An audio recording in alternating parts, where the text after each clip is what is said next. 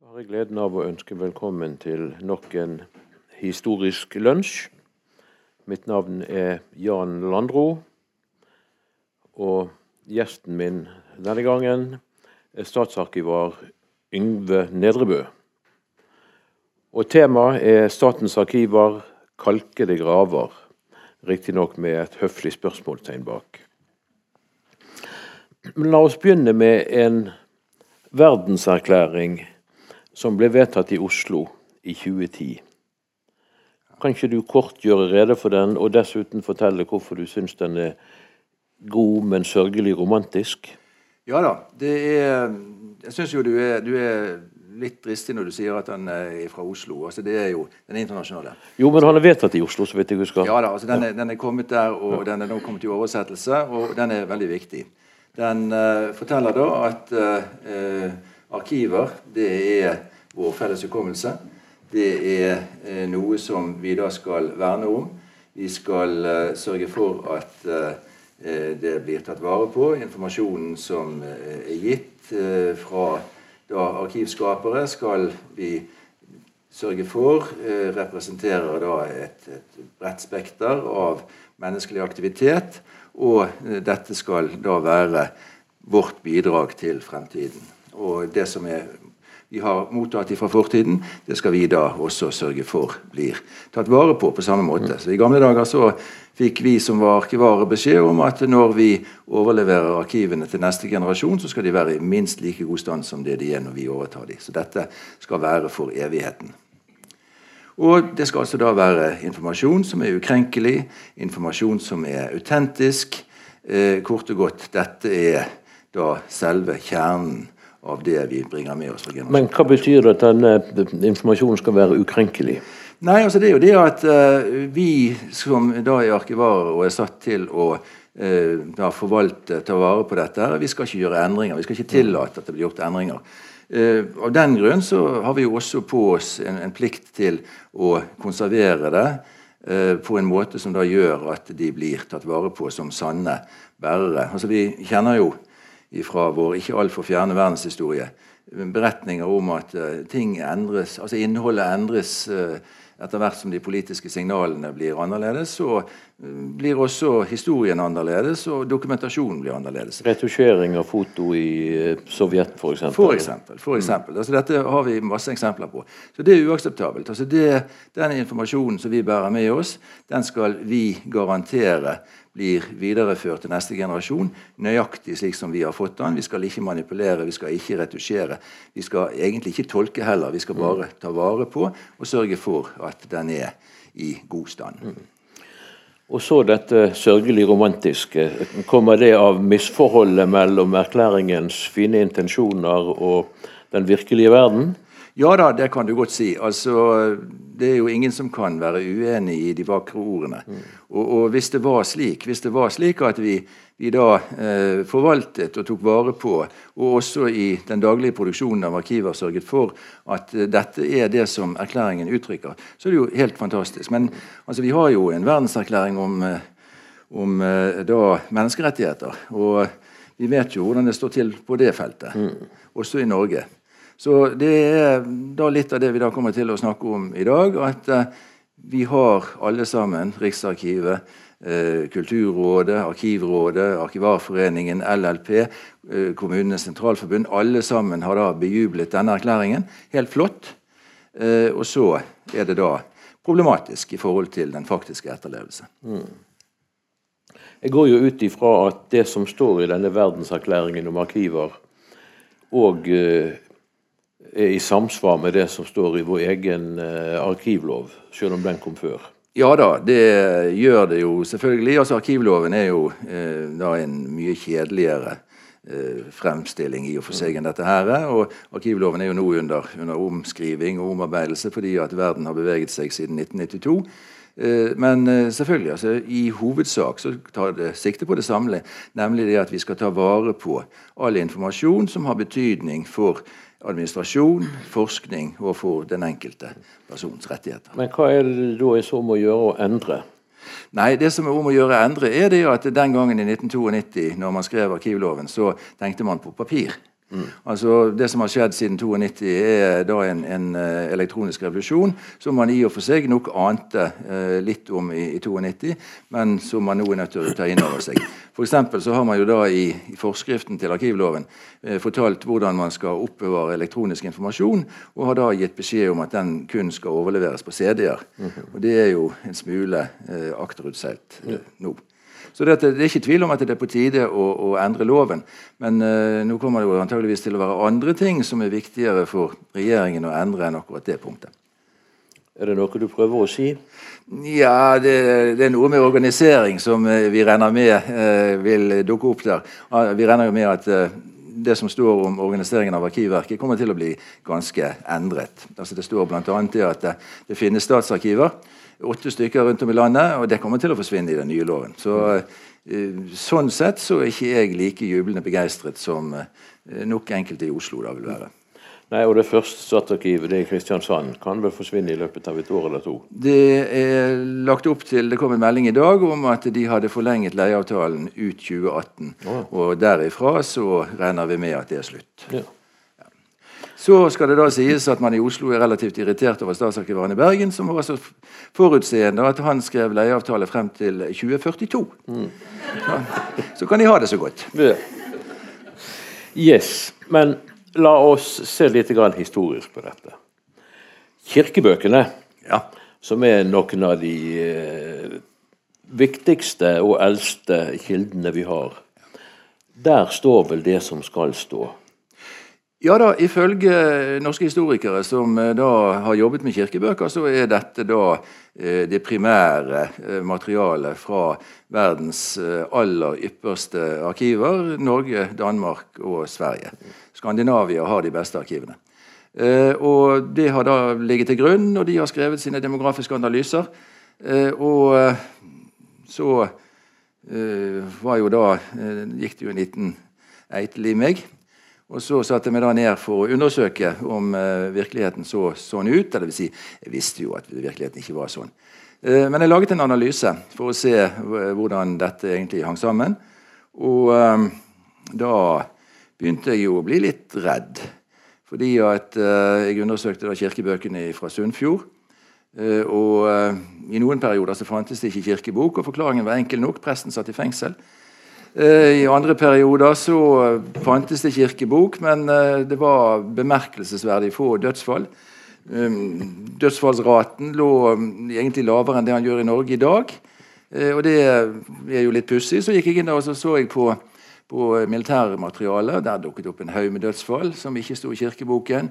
Fattigregnskapene, en haug med fattige mennesker som var gravlagt. Det var skrevet da utgifter på likkister, men de sto ikke i kirkeboken. Og Så gikk jeg inn i skiftematerialet, hvor jeg da hadde ca. 70% av den voksne befolkningen representert, og finner ut at ca. halvparten av de som vitterlig er døde, faktisk er tatt inn i kirkeboken. Så da har altså presten vært ekstremt selektiv. I sum så har han tatt vare på under halvparten av de som er døde. Og så skulle jeg da prøve å finne ut hvorfor. Forklaringen var snublende nær. Det var da slik at i noen tilfeller så ville folk eh, be om å betale ganske godt for å få en likpreken. De førte han inn i kirkeboken. Og så var det noen som da ikke tok utgiften med å få presten til å skrive eller holde en likpreken. Og de tok han ikke med i hele tatt. Det var et under at han fikk de i jorden i det hele tatt. da. Ja, poenget var jo det at han var ikke med under selve, jord, eh, selve begravelsen. Så Hans rolle var å komme tilbake igjen på et senere tidspunkt og, og, kaste jord på. Og Da var det vel da slik at uh, jordpåkastelsen kanskje fant sted, men når presten ikke behøvde å si noe og ikke fikk betalt to daler for det han sa, så gadd han ikke føre det inn i boken. Og nå er jo da, Det med dødsfall det kunne jo han for så vidt være rolig for, fordi at uh, relativt få av disse ville jo komme tilbake og kreve attest. Men når det gjelder dåp, så måtte han jo regne med at her ville man uh, forutsette at uh, det kunne bli etterspørsel senere. Og samme mistrøst i resultat. Jeg sammenlignet konfirmasjonslister med dåpslister. Ufattelig mange manglet. Og konklusjonen min der ble akkurat den samme. Ca. halvparten av de døpte er ikke tatt med i boken. Vielse derimot, da skulle presten ha betalt. Og da eh, har han nok ført de stort sett inn. Noen ganger var han irritert. Det står i margen 'Jeg var lovet en ko, men jeg fikk den ikke'. Utropstegn. Men han slettet de ikke av boken likevel. Så um, det viste seg altså at uh, hensikten som Rasmus Fischer hadde når han førte sin kirkebok, var altså å registrere inntekter og ikke å registrere døpte og døde og vigde. Og Det var en nyttig uh, informasjon å få. Så oppdaget jeg én ting til, fordi at han hadde jo da krav på seg om å levere statistikk ved utgangen av hvert kirkeår. Og Den statistikken lignet verken på det jeg fant, eller det han hadde funnet i boken. Så det var altså noe han diktet opp for anledning. Tenk, tenk, på et tall, det. Eh, det ser sånn ut. Mm. Sånn at Det måtte da se ut slik at biskopen kunne kjøpe det. Eh, men hvordan hadde den kommet til? Nå skal det da sies en del ting om denne Rasmus Fischer. Han døde i 1749. Var han prost, han, eller? Han var prost i 30 år mm. i Sunnfjord. Og uh, Da kom uh, biskop Pontoppidan på besøk. Og Biskopen skriver da i sin visitasberetning at denne mannen, som da hadde vært sogneprest i 53 år og prost i 30, han hadde levd et slikt liv at han hadde ikke vært verdig til å være belgtreder i kirken. Punktum. uh, og han, samme mann han holdt likpreken over en av mine forfedre, 1731, men da kom det klage på han fordi at to mann måtte støtte han, og ingen i forsamlingen kunne skjelne et ord av hva han hadde sagt. Så eh, han hadde da åpenbart hatt visse problemer. Han førte ikke kirkebok heller i det året. Da. Så eh, det var eh, så ymse med det som faktisk ble registrert inn i kirkeboken. Så selv om altså, vi da har verdens beste kirkebøker, så er de sterkt mangelfulle i en del tilfeller. Tør ikke tenke på hva kirkebøker andre har. Nei. Det kan du si. Men eh, dette eksempelet var fra Sunnfjord. Jeg går ut ifra at det er relativt eh, representativt for andre deler av landet òg. Ja, det eneste jeg frikjenner, det er Bergen. Dette her har åpenbart eh, kontrollen vært såpass sterk at jeg ikke har funnet svakheter. Jeg har funnet akkurat de samme svakhetene når jeg har vært eh, rundt og sett andre steder. Eh, I og for seg, altså ute på landet så Eh, ville da dette her BA-laget de ville grave graven, og de ville putte liket nedi, og de ville grave på. Og hvis de var sur på presten eller ikke ville betale, så ga ikke de beskjed til han. Det vet vi bl.a. fra Aurland, der Sven Skien var sogneprest, og klager over at det er ingen som kommer og melder fra om noe som helst. Samme ser vi på Stord under Erik Olsen. Eh, de ville vil ikke ha noe med han å gjøre. Sånn at uh, han er totalt boikottet. Og dermed så blir kirkebøkene deretter. Så det er klart at det var ikke så, så enkelt. Men ja. før du helt frikjenner Bergen ja. Oppgitte fedre til ja. uekte barn. Ja da. Det, Vær så god. Jo, takk. Jo da. Eh, vi har jo hatt noen pussige lover eh, i Norge eh, opp gjennom årene. Og det har vi for så vidt rikelig av fortsatt. Men uh, den ene av disse lovene var jo det at uh, det var uh, da meget, meget alvorlig å bryte det sjette bud. Og hvis det da var slik at en ugift mann og en ugift kvinne fikk barn, så var det seks daler i bot for henne, og så var det tolv daler i bot for han.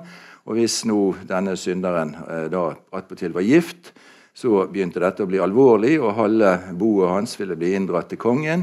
Og, så og han måtte stå offentlig skrift i kirken og alt sånt ufyselig for en kjøpmann og en embetsmann og hva det måtte være i Bergen, sånn at uh, de fant løsninger på det. Fordi soldater og matroser de slapp de tre, første tre gangene de fikk barn utenfor ekteskap.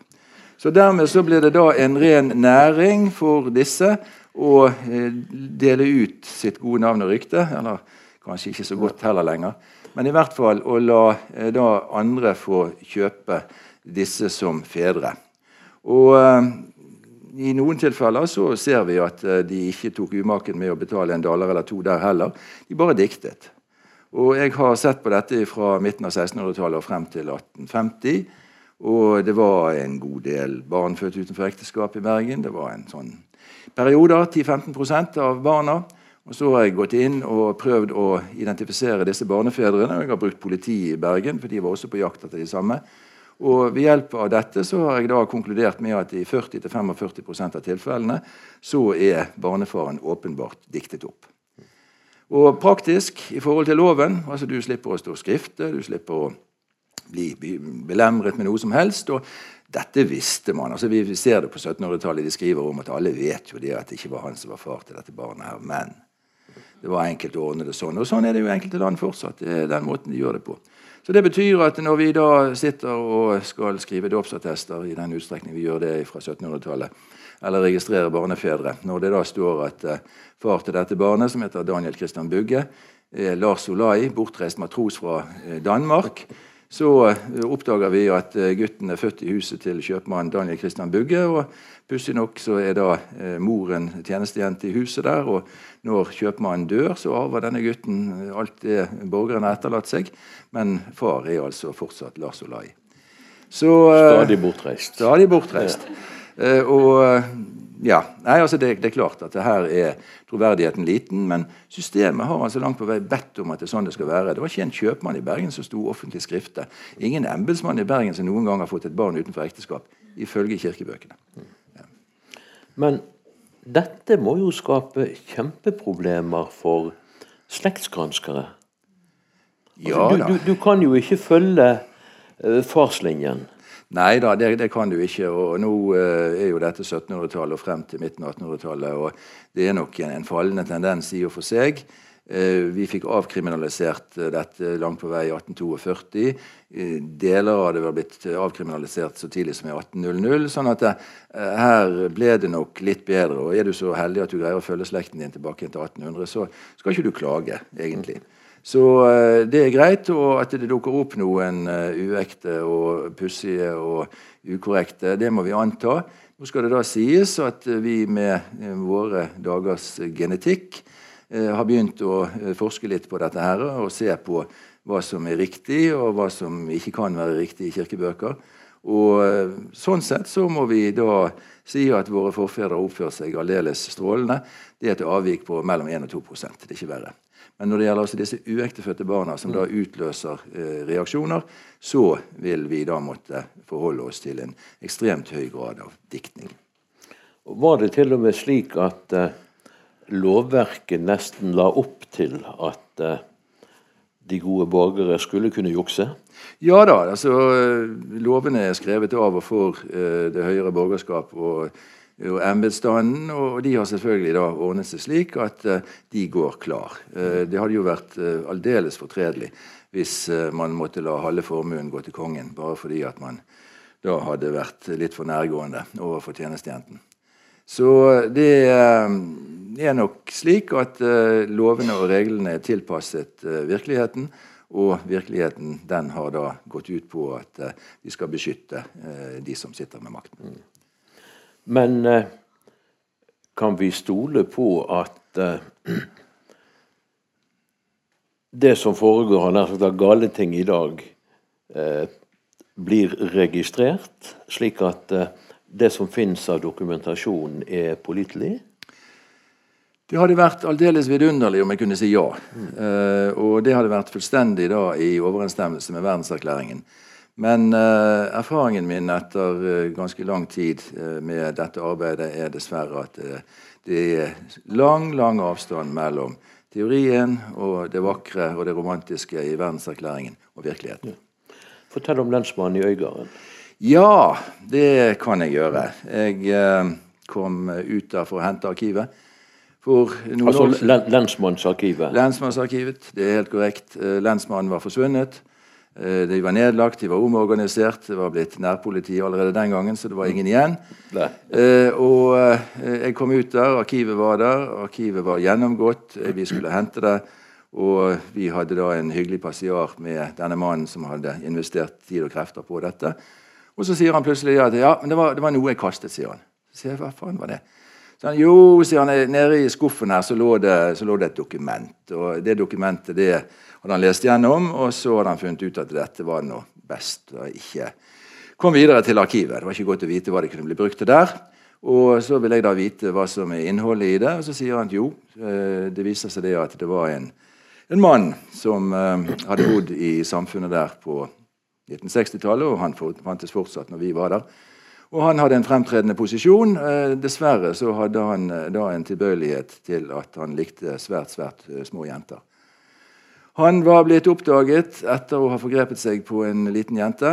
Og lensmannen hadde kalt han inn og sagt at dette er ikke bra. Og uh, Han hadde skrevet ned et lite notat, og på notatet så står det at de hadde koblet inn distriktslegen, og distriktslegen hadde sagt akkurat det samme.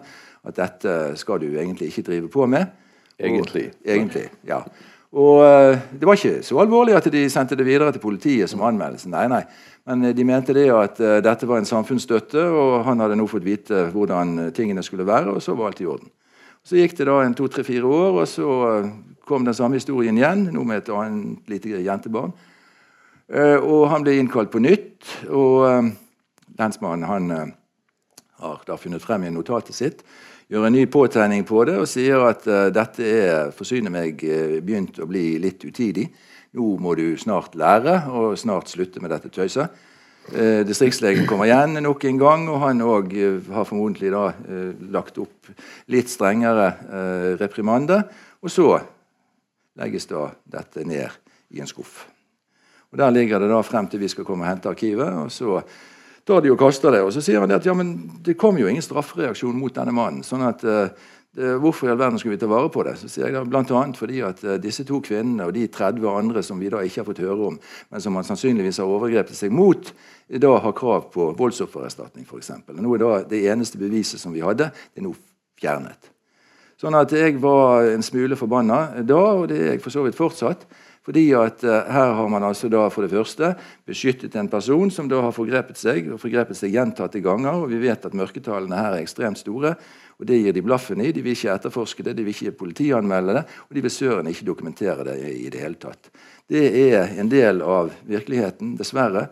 Jeg har sett andre eksempler i samme retning, og dette har vært et problem på 60-tallet og på 70-tallet. og Det forsyner meg sannsynligvis et problem den dag i dag. Og på ett område så var jo altså fortiden bedre enn dagen i dag. Ja, ja. Du hevder jo i alle fall at rettsbøkene på 1600-tallet ja. var det mye, mye mer med enn dagens rettsbøker. Fortell aller, aller, først hva en rettsbok er. Ja, riktig. Altså, I dag så er da en rettsbok en utskrift av uh, i og for seg det som har foregått i, i retten i sivile saker og straffesaker. Uh, det er da en maskinskrevet greie, ikke så veldig lang. Jeg har stadig vekk vært og avgitt vitneforklaring. og Det som står i rettsboken, er at jeg kom. Jeg avga eh, da erklæring om å uttale meg korrekt, og så har jeg forklart meg. og Så står det ingenting. Jeg har stått i, i rettssalen kanskje i to timer og forklart meg. og Det står ikke en stavelse om hva jeg har sagt. Så kan vi da gå tilbake til 1600-tallet og tingbøkene, hvor eh, vi da har eh, en sak som da blir ført. Der sitter sorenskriveren eller hans sekretær og fører. Og når da eh, personen har avgitt forklaring, så blir forklaringen lest opp for vedkommende. Og vedkommende må da med to opprakte fingre gå god for at dette er korrekt i forhold til den forklaringen han har gitt.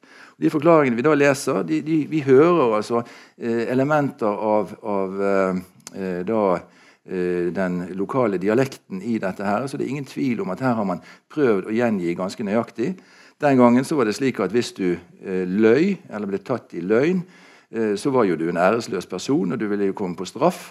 Og En kompis av meg som er dommer i Bergen i dag, han sier at vi vet jo det at det er jo ikke noe sted i, Norge det, det lyges så mye som i rettssalene.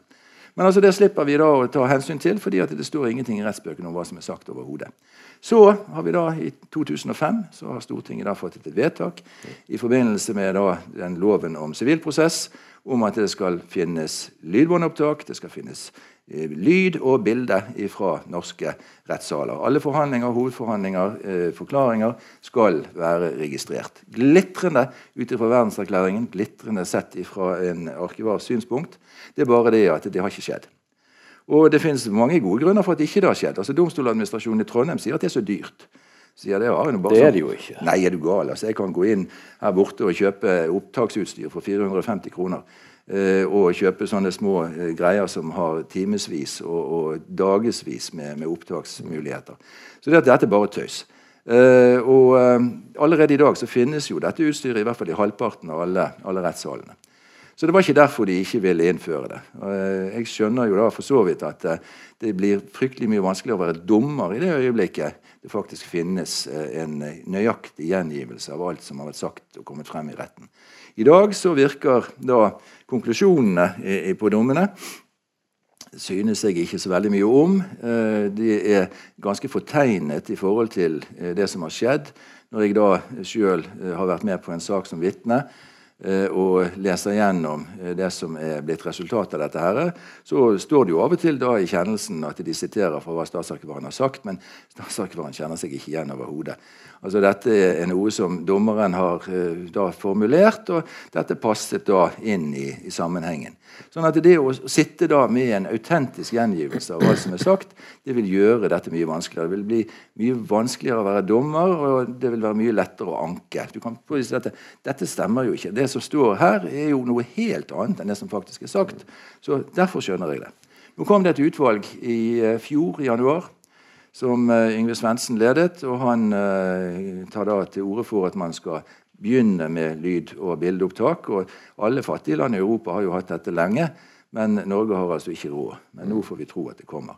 Og Da blir det nok eh, vanskeligere. For meg som er opptatt av rettssikkerhet og, og menneskerettigheter, så eh, ser jeg det som et kjempefremskritt. fordi at da har vi plutselig, også som arkivar, så er det da en kjempefremskritt fordi at vi altså kan dokumentere hva som faktisk er sagt i retten, og ikke bare det dommeren håpet var sagt i retten.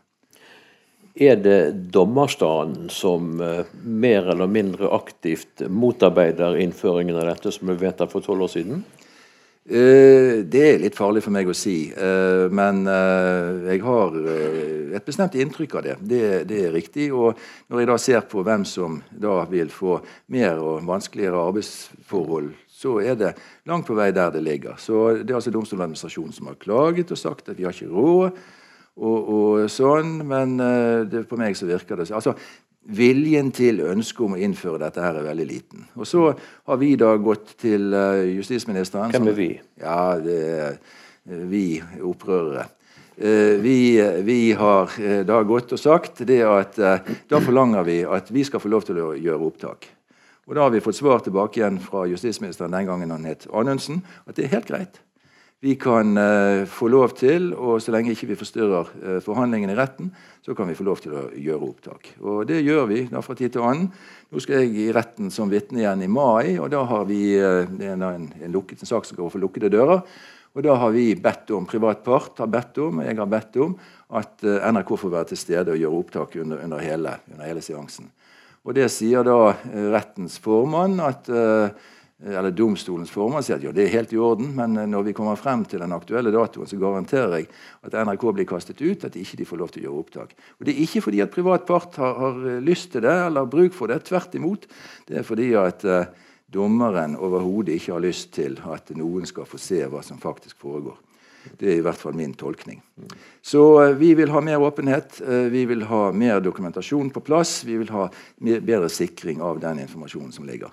Og Det er da for meg et enormt paradoks at uh, du hadde referenter som satt og skrev til langt ut på 1900-tallet, og vi ser altså at uh, 16-, 17-, 18-, 1900-tallsbøkene de er mye, mye, mye bedre med å kunne gjengi hva som faktisk er sagt i retten.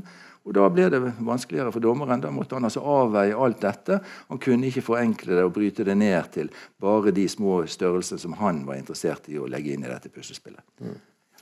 Eh, Liland-saken, ja. som jo er et av de verste eksemplene på justismord i Norge etter ja. andre verdenskrig. Et av de mange, ja. ja. Jo, men kanskje et av de groveste likevel. I hvert fall som vi kjenner. Eh, der ble det gjort ulovlig, som det jo var den gangen, lydopptak. Hvor viktig var det når, når denne saken omsider ble ja, nei, det ble tatt opp igjen. Det var helt avgjørende. Det var det eneste man kunne legge frem som viste hva som faktisk hadde foregått. Mm. Eh, og det var jo da på 70-tallet. Ja. Og, og, vi har jo i og for seg da det samme fra Hetle-saken. Da den gikk mm. Eh, da i 1904-1905, så det var et drap i Sundfjord. Riktig. Eh, det vil si, drap er å ta sterkt ja. i. Det er omdiskutert. Det kan jo hende han bare døde, faktisk. Ja. Mm. Eh, og eh, det var det spørsmålet gikk på. Saken ble gjenopptatt eh, da under krigen og det ender da med frifinnelse. og det man har å bygge eh, kritikken av dommen på, det er avisreferatene. Ja. Og eh, da er altså avisreferatene uendelig mye bedre, mye mer presise enn det som eh, domstolens egne referater er. Eh, I forbindelse med leiting etter andre ting, så gikk jeg gjennom flere årganger av Gula Tiden. Det hendte at hele avisen noen dager kun besto av rettsreferat fra Hetlesaken. Det begynte på første siden, sluttet på siste siden. Der sto ingenting annet overhodet. Det er jo så utenkelig i våre dager som uh, det kan få blitt. Ja, det blir ikke mye reklame på sånt. Nei. Ja, de hadde litt reklame innimellom, men uh, for grønnsåpe og noe slikt noe. Ja. Nei da, det, det, er klart at uh, den gangen så, så var uh, da disse referatene som da ble gjort og Nå var jo Hetne-saken spesiell. altså det var uh, Halve, halve Gaular mente at det var drap, og halve Gaular mente at det ikke var det. og Sånn var det vel deling i Sunnfjord og store deler av verden ellers òg.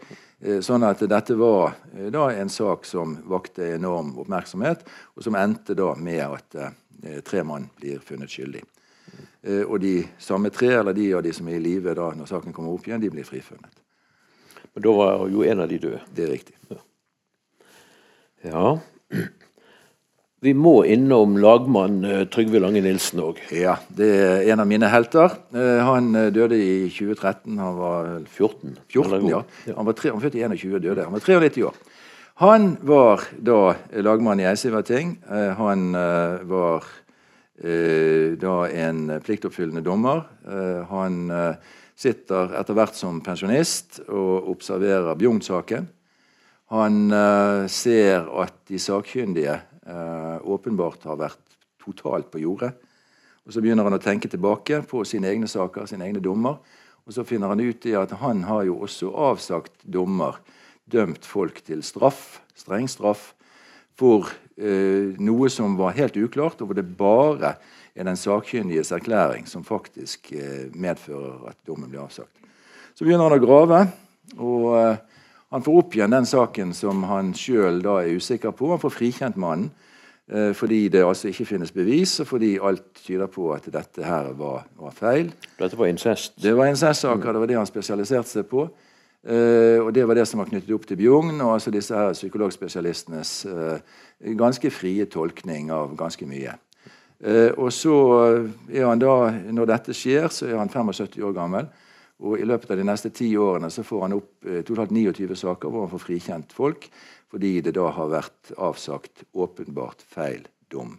Så intervjues han når han er 85 år og sier at én uh, ting er greit, han har fått frikjent 29, men han vet om minst 100 til som sitter inne uh, på da åpenbare justismord. Og som aldri har fått sine saker behandlet på nytt? Nei, det er helt riktig. Men hva, hva er, var det han da bygde på for i hele tatt å få gjenopptatt disse sakene? Nei, altså Han uh, går jo da inn og gjør en vurdering av bevisene.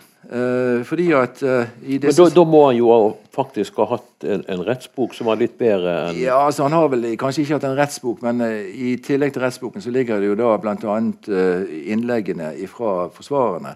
Og, ifra, og det ligger altså Alle de sakkyndige rapportene ligger der fortsatt. Og i den utstrekning man har vært og fått tekniske bevis vurdert, så vil det da ligge der.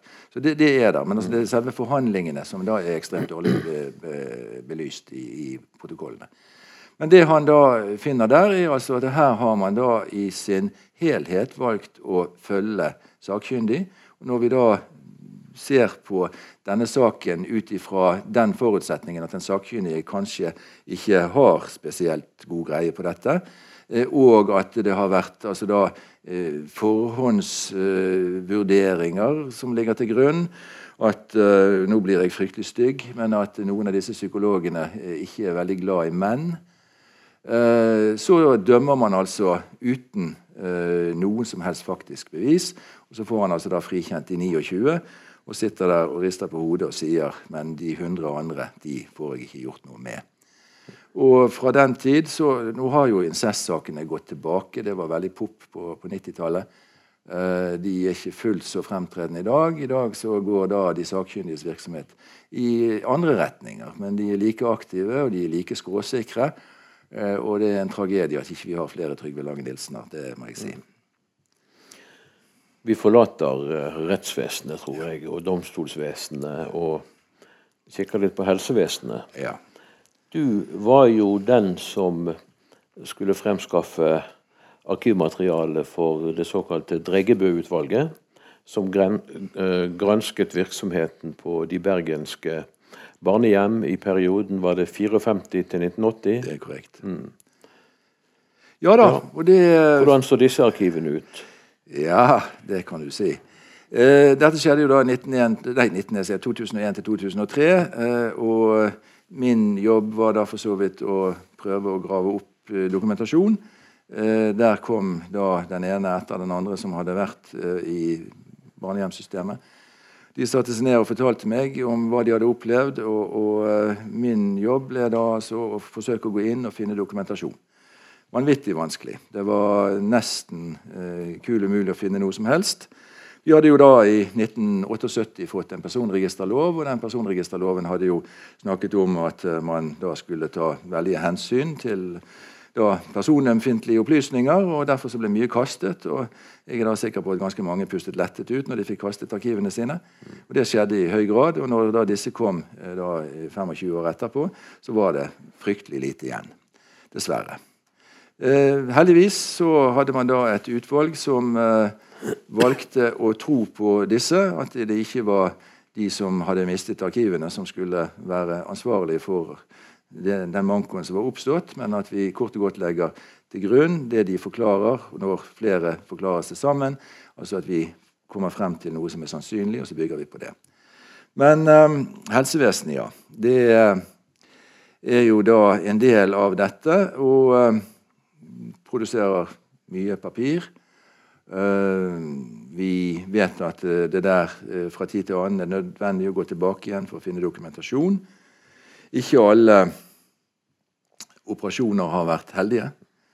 Ikke alt som har uh, Men vi venter med ja, okay. operasjonene litt ennå. Ja, du sa helsevesenet. Ja, ja, ja, jo, ja. men altså helse sosial ja, ja, okay. Hvis vi ser sosial, så er det greit. Mm. Da kan vi, vi holde oss i, i den, i den Nei, for Jeg tenker jo fremdeles på Dreggebø-utvalget. Ja, riktig. Og ja.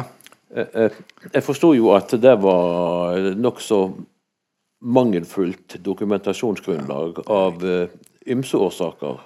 Ja da, det, det er riktig. Og, og, når jeg da sitter og snakker med disse folkene som har opplevd dette, så forteller jo de sine historier, og de er jo eh, kort og godt egnet til å skremme vannet av noen hver.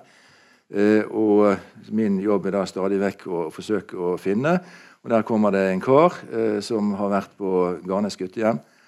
Eh, han eh, var der i en periode tidlig på 60-tallet. Eh, han fikk besøk av sin onkel, som var til sjøs. Han hadde vært der ved påsketider et år. Vi kunne gå inn og kontrollere i protokollen eh, over sjøfolk at dette er riktig. Han har vært der nøyaktig da og da. Da forteller gutten at da reiste han og onkelen inn til lensmannen i, i Arna for å anmelde forholdene. Og Vi har da temmelig nær datoen. Vi har protokollene til lensmannen. Anmeldelsesprotokollene. Dette blir piece of cake. Det er bare å plukke frem, gå ned, finne riktig dato. Og finner ingenting. Lensmannen har rett og slett gitt blaffen i å føre det inn. Eh, og Det viser seg da stadig vekk når vi da får sånne referanser. De virker helt uh, vanntette. De er plassert på dato, de er plassert på sted. Vi skal bare finne dokumentasjonen i papirene, men ingenting lar seg finne. Minner jo litt om lensmannen i Øygarden. Det minner veldig mye om de samme holdningene. Det er helt riktig. Mm. Altså, det er noe som vi registrerer, og så er det noe som uh, er slik at uh, det er best for alle at dette ikke blir registrert. Og, og, dette er vel kanskje, eller har vel kanskje i særlig grad vært et uh, problem på litt mindre steder? Det kan man tenke seg, kan man tenke seg uten at jeg har gjort noen undersøkelser av det akkurat. Eh, så kan vi selvfølgelig tenke oss at dette er et veldig gjennomsiktig samfunn. Mm. At uh, her er det tette forbindelser. At uh, de som har innflytelse og makt i samfunnet, de omgås til stadighet. Og det hadde jo vært forferdelig leit om man var nødt til å anmelde disse samfunnsstøttene. Mm. Og så disse som da har lidd overlast, det er jo tross alt noen eh, uoppdragne pøblere fra Bergen. Vi da er plassert på guttehjem, og, og, de har sikkert bare godt av den julingen de får, osv. Så, så det kan være noen sånne vurderinger som ligger bak. I hvert fall det vi da ser, det er at dette er kort og godt ute blitt fra arkivene. Mm.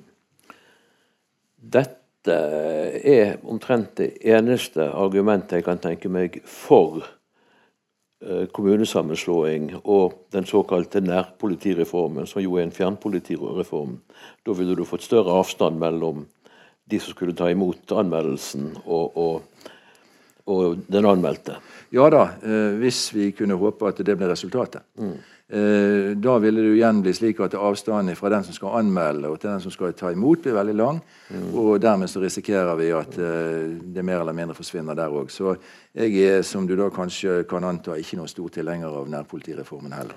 Den skepsisen deler vi. Ja. Ja. Eh, I årene 2013-2014 leverte du fire klager til Fylkesmannen. Ja som alle ble avvist? Nei, altså, de ble ikke avvist. De ble tilsynelatende behandlet. Jo, jo, altså, jeg mener ikke at de ble ikke behandlet, Nei. men Nei, altså, utfallet. Den ene, den ene, av sakene tok jo fylkesmannen da opp på et helt eget grunnlag, fordi at uh, det da var kommet frem uh, såpass alvorlige ting på NRK Brennpunkt at han så det nødvendig Eh, og bruke tre måneder på å komme frem til en konklusjon. For at etter de tre månedene så ville jo trykket i mediene ha avtatt, slik at da kunne man si det at nei, man fant ikke noe likevel.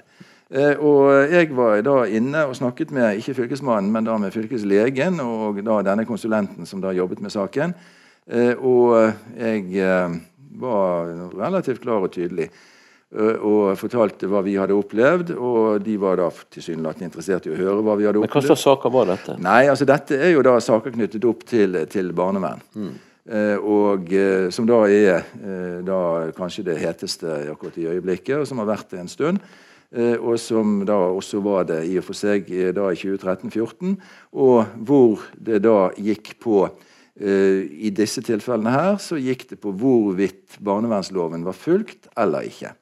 Og I barnevernsloven så står det en del ting som skal skje.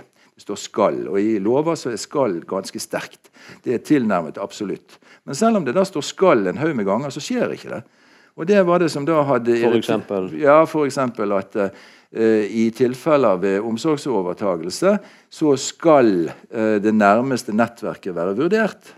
Det skjer ikke. Altså Med tanke på overtagelse? Med tanke på adopsjon, ja. eh, familieråd, styrking av familien osv. Altså at du skal gå inn med hjelpetiltak istedenfor omsorgsovertagelser. Det som faktisk har skjedd, og som vi da har sett, er jo det at du fikk en dobling fra loven kom i 93 frem til 2004. Og så fikk du en ny dobling fra 2004 frem til 2012.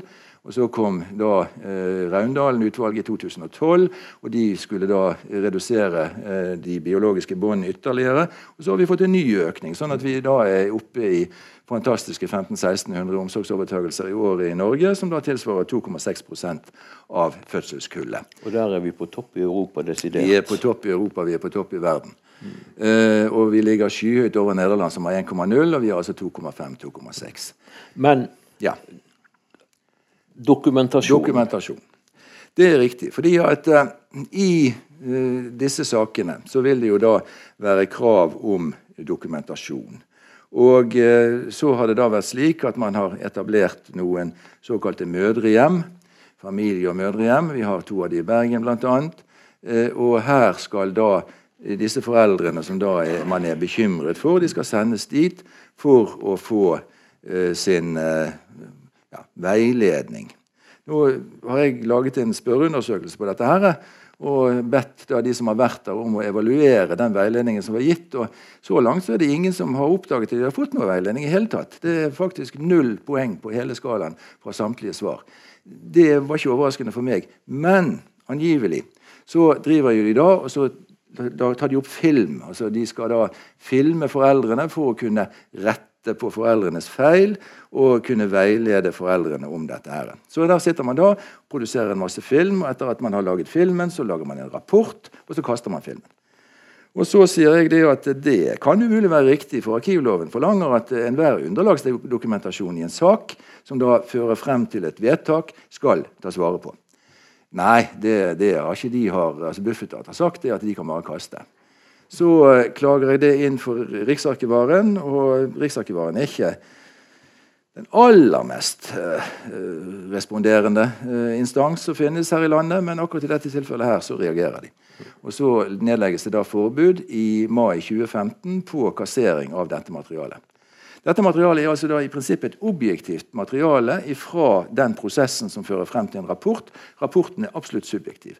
Sånn at De som har laget rapporten, de vil for enhver pris ikke at noen andre skal få lov til å se på underlagsmaterialet, slik at de kan stille spørsmål ved selve rapporten. Og Disse rapportene som jeg da har lest en del av, de eh, har mangler på logikk og indre eh, sammenheng. Og i hele tatt, de fremstår som noe av det mest makabre jeg har lest. Og i noen tilfeller så har disse rapportene hatt feil navn, eh, feil sted. Eh, det har altså vært en kopi som har vært levert ut, som ikke har noe som helst med disse foreldrene her å gjøre, men legges frem for domstolen som bevis for manglende omsorgsevne hos disse foreldrene. Selv om de altså ikke har det minste med disse foreldrene å gjøre. Og det eh, synes ikke Hvordan er det mulig? Ja, hvordan er det mulig? Ja, Det skulle du egentlig ha spurt dommerne om. Jeg har prøvd å spørre dem om det mange ganger, men de vil ikke svare. Men uh, i det tilfellet her hvor det da ble oppdaget, og det var da faktisk uh, tingretten i Fjordane som oppdaget at man da la frem en rapport med feil navn, feil sted og feil personer, da reagerte de og sendte tilbake igjen. Denne psykologen hadde fått 150 000 kroner for å skrive denne rapporten, som han da hadde fotokopiert og glemt å skifte navn på. Sånn at uh, Når dette legges frem som bevis i retten og når dette, og så Her vinner altså det offentlige 94% av sakene. Og de vinner på grunnlag av kassert arkivmateriale, som altså ingen skal få lov til å se og bedømme om er riktig. Og så bygger det altså på, på eh, sakkyndige rapporter som altså overhodet ikke har noe som helst med denne familien her og denne situasjonen her å gjøre. Altså Vi er tilbake igjen til Trygve Lange Nilsen. Gud hjelpe oss, vi skulle hatt minst ti av de. Mm. Ja, For her skjer det fryktelig mye rart. Åpenbart. Og når disse fire klagene dine ble avvist, ja. var det uh, grundig og god dokumentasjon? Nei, det må vi jo si det ikke var. Altså, jeg var jo da i møte med, med fylkeslegen og uh, denne konsulenten. Og uh, så sier fylkeslegen at ja, men det står påstand mot påstand, sier hun. Og når det står påstand mot påstand, så kan ikke vi komme med kritikk. Sånn at når, når min fremstilling og da uh, denne institusjonens fremstilling var, var i, i, motstrid, så, så, kunne ikke de gjøre noe annet enn å si at vi, vi kan ikke avgjøre saken. Det er tvil. Eh, og da skal tvilen altså komme ikke, ikke tiltalte til gode, men den som har forsømt dokumentasjonsarbeidet ja, nå, nå, er det jo meg som klager, sånn at for så vidt så er det jo de som skal forsvare seg, og de som er anklaget. Men altså, da faller det slik ut at eh, når det, og så, De har altså da tilintetgjort sitt eget arkiv, sånn at det ikke er mulig å dokumentere noe som helst. Men det at vi og de har ulik oppfatning, fører til at vi, vi kommer ikke frem til noen avgjørelse i hele tatt. Mm. Så uten at de tilstår, så blir de frikjent. Konstant. Den, den, dagen de tilstår, den kommer ikke. Nei, Jeg så en undersøkelse som viste det at uh, fylkesmannen i Hordaland ga det offentlige medhold i 100 av sakene.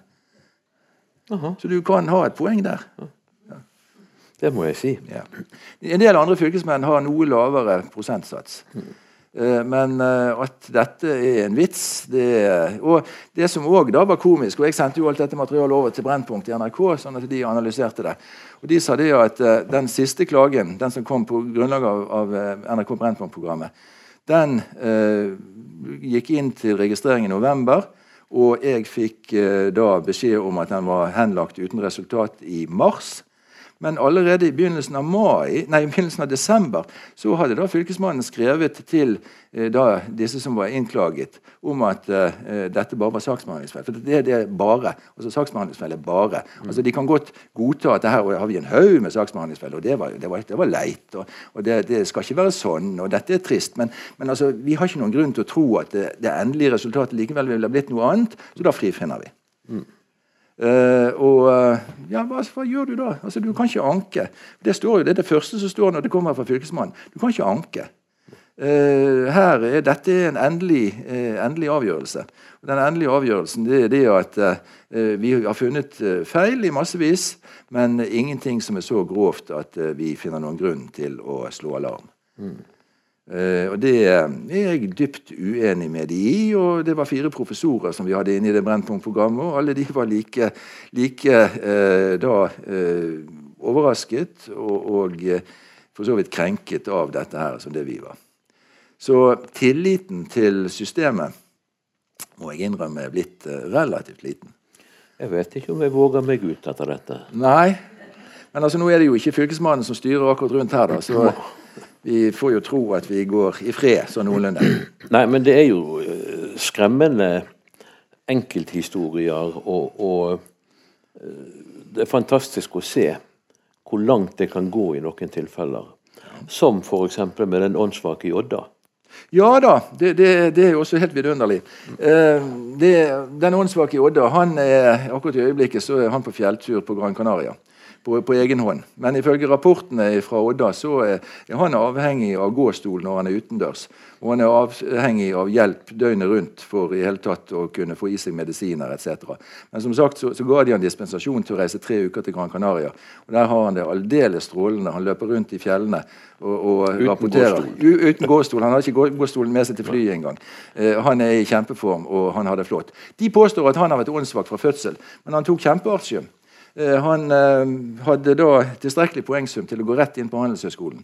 Og dette her var i 1979. Eh, poengs, altså Kravet var omtrent til preseterist, og denne gutten som da nå er blitt åndssvak, han greide seg altså aldeles strålende. Rett nok så valgte han da å droppe studiene på Handelshøyskolen og istedenfor bli industriarbeider i Odda. og Det har han da vært i alle år siden. og Så fikk han da hjerneslag for et par år siden. og det satte han noe tilbake. Eh, og nå har da Odda kommune funnet ut det at de skal ha han klassifisert som åndssvak fra fødsel. Det utløser en del penger fra det offentlige, fra staten. Eh, familien er rasende eh, og føler seg dypt krenket. Denne mannen han bare ler. Han syns de er så ufattelig dumme. De kan fremstille han som tilbakestående. Eh, men det han ikke skjønner, er jo det at det er siste gangen han er på Gran Canaria. Eh, det skal da sies i all rettferdighets navn at eh, da Odda kommune skaffet han verge, så klaget eh, hans søster. Og fylkesmannen i Hordaland kom frem til at de ikke kunne fatte og begripe hvorfor denne mannen hadde fått verge. Fordi at verge sa det at det var ikke nødvendig med noe verge. Eh, og eh, sånn sett, Men Odda har klaget på dette, her, så det har fått oppsettende virkning. Så inntil videre så er han altså mentalt tilbakestående. Men eh, vi håper jo det at han skal gå klar, uh, og vi får tro at vi fortsatt Men vi er, vi er, bekymret. Altså, jeg er stygt redd for at han har vært på Kanariøyene. Men igjen dokumentasjon. Ja. Der må jo f.eks. For foreligge eksamensresultater ja, ja. fra, fra ja, videregående som forteller at fyren knapt kunne være åndssvak den gangen. Nei, altså Det må ha vært noen merkelige sensorer og eksaminatorer. altså. Ja. Det må det være, for Når du får fem til seks i alle fag, så er det jo litt pussig at du er mentalt tilbakestående. Ja, altså, kan, den ligger der. Den ligger der, ja. Men det har ingenting å si? Nei, det har ingenting å si. Det har ingenting å si. Det er ikke det, Altså, jeg kjenner jo denne karen en smule, og, og, han er jo ikke helt A4. Eh, og nå Nei, det er skal være ærlig, så er vi flere som er i den kategorien. Ja. Eh, men, eh, men altså han har nok noen autistiske trekk. Og som autist så kan du godt være gløgg, og du kan godt være flink, og du kan være alt mulig. Du er ikke, du er ikke noe sosialt geni. Eh, nødvendigvis. Eh, og Det som da anføres i, og det står da i disse rapportene fra Odda, det er det at eh, denne fyren her, eh, som da ikke har giftet seg og derfor er enslig han liker Suspekt ikke å vaske opp. i seg sjøl? Ja, det er suspekt. Ja. Absolutt. Men han liker ikke å vaske opp. Sånn at Når han har, har, kjøpt mat, så spiser han det direkte av innpakningen. Og Det er anført, det er helt forferdelig. Det har jeg òg faktisk gjort. Når jeg, jeg, jeg, jeg, skal, ikke, skal ikke kommentere, skal ikke kommentere det for mitt, mitt, vedkommende. Dessuten så har denne mannen en tendens til å gå på bensinstasjon og kjøpe seg mat der. Eh, så istedenfor å lage seg frokost, så stikker han bare bort på bensinstasjonen og så kjøper han litt, for penger har han relativt mye av. sånn at Da fikser han det sånn, og så spiser Dette syns de er aldeles forferdelig. Må jo bevise det at fyren er mentalt tilbakestående. Der har jeg heldigvis litt å gå på. Jeg lager frokosten sjøl. Ja, okay. Men du ville jo innom, og det vil jeg òg, ja. helsevesenet. Ja, helsevesenet, ja. Ja. Sykehusvesen, ikke minst. Operasjoner og den slags. Fortell om en 72 år gammel dame. Ja, jeg var inne på Facebook og fant henne igjen i går. og mm. Hun har det aldeles strålende. Mm. Heldigvis. Uh, dette er da noen år tilbake. Det kommer en godt voksen dame, 72 år, på Statsarkivet.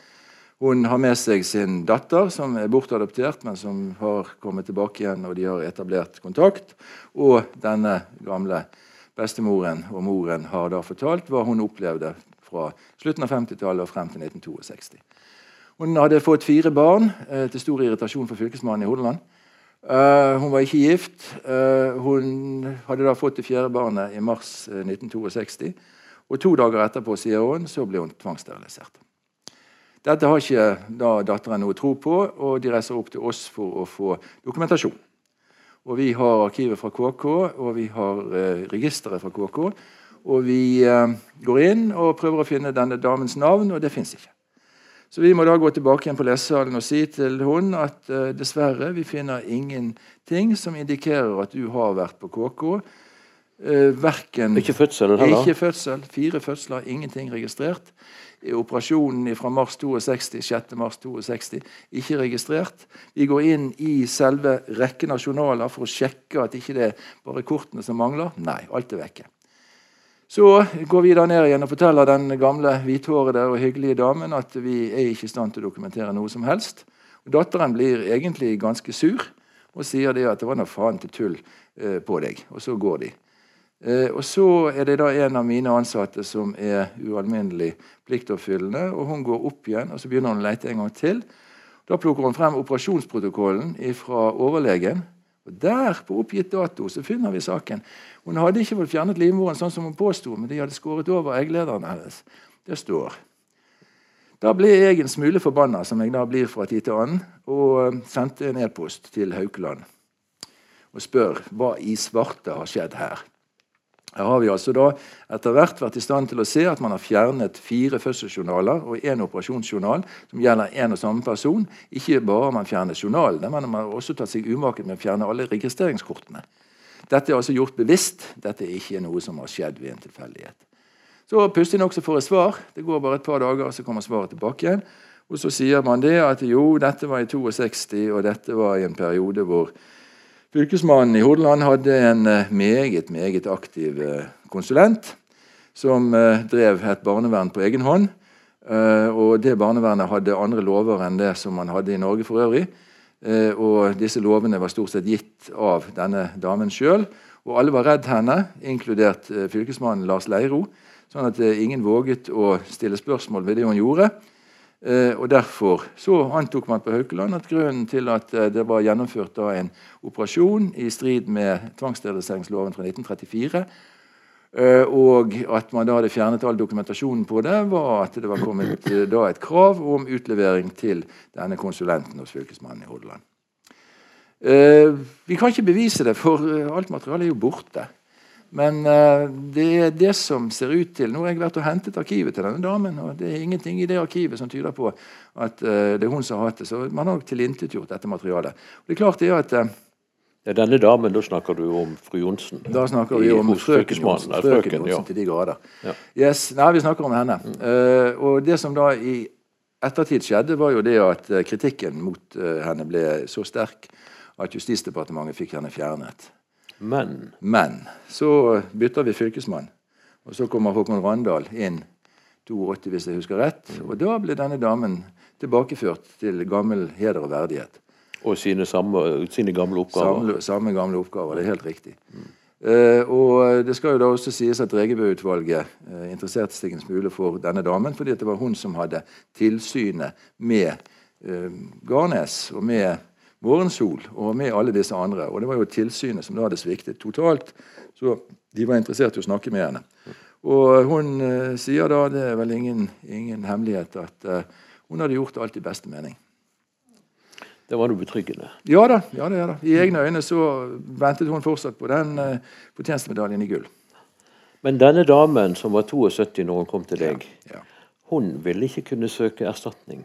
Nei, all dokumentasjon, all dokumentasjon, er borte. Så Det eneste vi sitter igjen med, det er da min insinuasjon og Haukeland sin insinuasjon av hva som må ha skjedd. Og Det er da det sørgelige i disse tilfellene her, at uh, uansett hvor mange verdenserklæringer vi har, og hvor mye de forteller om autentisitet og hvor viktig det er å ta vare på ting, så, så skjer det dessverre store unntak. Det forsvinner mye. Og Denne saken her som vi da har nevnt nå, eh, den er for så vidt det styggeste jeg har sett. Men eh, jeg eh, tok jo da bare for moro skyld og så regnet igjennom hvor mange prosent av journalene som faktisk er borte. Og det var skremmende 15 På kvinneklinikken? På kvinneklinikken. Ja. I den perioden jeg undersøkte. Men alt det er antageligvis ikke underslått? får vi håpe. Nei da, så det, det, får vi jo tro at det ikke har skjedd. Og, og det, det, tror ikke jeg heller. Men, men uh, vi har alltid en mistanke når, når, vi da oppdager at ting er vekke, at her er det en eller annen noen som har hatt uh, en hensikt. Og vi vet jo det også fra helsevesenet og fra så vidt det samme Haukeland, at uh, det er ikke alle journalene som er fullstendige. Altså, Hvis du har hatt en operasjon som ikke har gått helt sånn som den skal, så har vi slett ikke noen garanti for at vi greier å dokumentere det i ettertid. Mm. Det er en viss fare for at det er et dokument eller to eller tre som er borte. Og det vet jeg fordi at vi da har hatt folk som har kommet etter slike operasjoner og skal ha eh, da dokumentasjon fordi at det er aktuelt med erstatningssøksmål. Ja. Nå eh, skal det da igjen sies at uh, mitt inntrykk av Haukeland eller Helse Vest er at de er blitt uendelig mye bedre. Mm. Altså, det har kommet uh, pasientombud. Eh, det har kommet eh, da eh, klagesaker. altså Vi har arkiv fra Haukeland som går på slike klagesaker. Det er fra 90-tallet. Og fortsatt ikke det fullstendig, vil jeg tro, men det virker. Det virker da som om dette er blitt mye bedre. Elektroniske journaler er også antageligvis mye vanskeligere å, å endre på. Vil, altså du vil legge spor etter deg. Ja. Altså det å ta fire ark ut av en, en papirjournal og kaste det, det er, det er, umulig i dag. Det er i prinsippet umulig i dag. I hvert fall i helsevesenet. Ja. Ja. Men konklusjonen må antageligvis likevel bli at ikke noe arkiv er bedre enn det som legges inn i det. Nei, det, det er helt riktig. Det stemmer at det er Kvaliteten blir regulert der. Og, det er selvfølgelig også et problem, fordi at alle sammen så er vi subjektive. Og, og, alle sammen så, så, har vi da sett uh, denne såkalte virkeligheten på denne spesielle måten. Og det har vi da registrert, og det går, legger vi inn i arkivet. Og så, uh, når vi da uh, risikerer at noen trekker ut noe og kaster, eller kaster kanskje hele mappen, fordi at dette er problematisk og ubehagelig for en eller annen, potensielt Det kunne ryke en karriere eller to hvis dette blir liggende. Og det vil ikke vi. Og så blir da resultatet det at her er ikke det mulig å dokumentere. Og jeg har eh, da hatt en, en kunde på Statsarkivet fra 1992 og frem til i dag som har jaktet på tapt informasjon. Mm -hmm. Og det var fra KK, og det var fra diverse andre. Og all informasjon fra henne er borte. -hmm. Og eh, når hun da går til, til til Nav og krever erstatning, så får hun beskjed om at hun er nødt til å dokumentere. Og det er det offentlige som ikke er i stand til å dokumentere. Og hun blir da straffet for at det offentlige ikke har tatt vare på arkivene sine. Nettopp. Ja. Vår tid er ute. Tusen takk, Yngve Nedrebø. Takk til publikum. Ser dere både til høyre og venstre når dere går ut. Og ellers er dere velkommen tilbake 25. april. Da er det reformasjonen, men helt fri for teologer og kirkehistorikere. Da kommer en filosof. For reformasjonen er mye mer enn religion og kirke. Så Det blir vårt tema da. Filosofen Nils Gilje, velkommen tilbake. Her ligger det litt lesestoff hvis noen.